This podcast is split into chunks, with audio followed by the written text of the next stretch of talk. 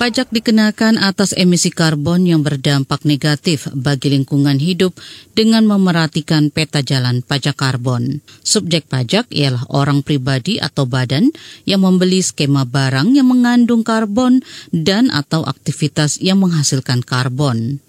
Kepala Pusat Kebijakan Pendapatan Negara Badan Kebijakan Fiskal BKF Pande Putu Oka Kusumawardani mengatakan, sektor pertama yang akan dikenakan pajak karbon adalah pembangkit listrik tenaga uap atau PLTU.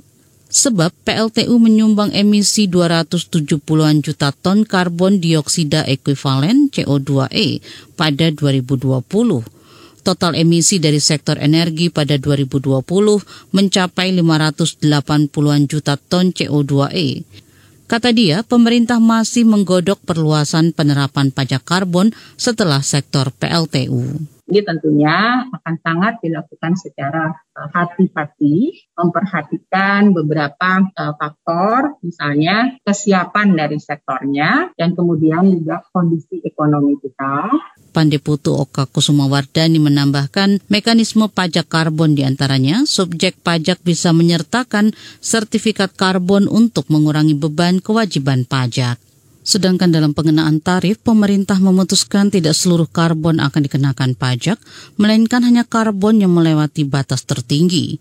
Penerapan pajak ini diharapkan dapat mendukung upaya pemerintah mengurangi emisi karbon di tanah air serta memperbaiki kondisi lingkungan. Menteri Energi, Sumber Daya dan Mineral ESDM Arifin Tasrif mengatakan penerapan pajak karbon akan berdampak pada penaikan harga. Kata dia akan ada tiga skema perhitungan dasar penerapan pajak karbon, antara lain 2 dolar Amerika per ton atau sekira 30 rupiah per kilogram karbon dioksida ekuivalen atau CO2e dan ini tentu akan menyebabkan kenaikan harga baik di, susu, di sisi hulu maupun di hilir bagi pemanfaat energi yang menghasilkan karbon. Jika harga pajak karbon dijalankan, maka produsen yang menghasilkan emisi seperti batu bara, minyak dan gas bumi akan menaikkan harga produknya seiring penerapan pajak karbon. Pengenaan pajak karbon tersebut bakal ikut menyebabkan penaikan pada harga jual bahan bakar minyak. Sementara itu Menteri Lingkungan Hidup dan Kehutanan KLHK Siti Nurbaya mengatakan penerapan soal ekonomi karbon sudah dituangkan dalam peraturan Presiden Perpres.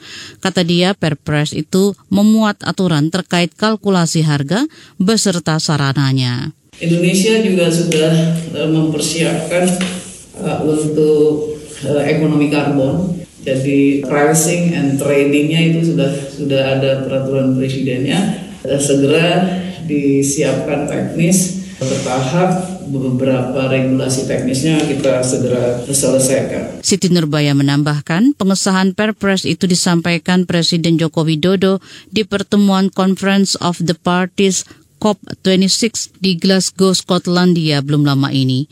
Dia mengklaim Perpres itu menjadikan Indonesia penggerak pertama penanggulangan perubahan iklim berbasis pasar di tingkat global menuju pemulihan ekonomi berkelanjutan. Selain itu, Indonesia juga telah menetapkan target penurunan emisi gas rumah kaca sebesar 29 persen dengan kemampuan sendiri dan 41 persen dengan dukungan internasional di 2030.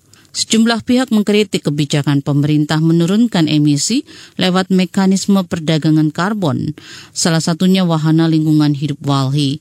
Berikut pernyataan manajer kampanye keadilan iklim Walhi, Yuyun Harmono. Taxing itu kan bagian penting ya dalam konteks e, negara mengatur si sektor ini. Tetapi memberi exemption ya bagi si objek pajak untuk bisa mendapatkan keringanan atau tidak membayar pajak dengan cara dia berpartisipasi dalam mekanisme perdagangan karbon, itu sama aja bukan memberi punishment, itu memberi dorongan supaya mereka kemudian terlibat dalam mekanisme perdagangan karbon gitu loh. Katanya ini hadiah Indonesia untuk COP, tapi menurut menurut saya, menurut kami di Walhi ini adalah hadiah untuk korporasi dan para polluters baik dalam konteks negara maju dan dan korporasi. Menurut Yuyun, mekanisme dagang karbon tersebut hanya mengalihkan perhatian dari upaya menuntut negara maju menurunkan emisi secara drastis di wilayah mereka sendiri. Selain itu, hal ini juga memindahkan perdebatan soal tanggung jawab negara maju dalam menyediakan pendidikan pendanaan bagi negara-negara berkembang. Tujuannya antara lain untuk mengubah ekonomi negara berkembang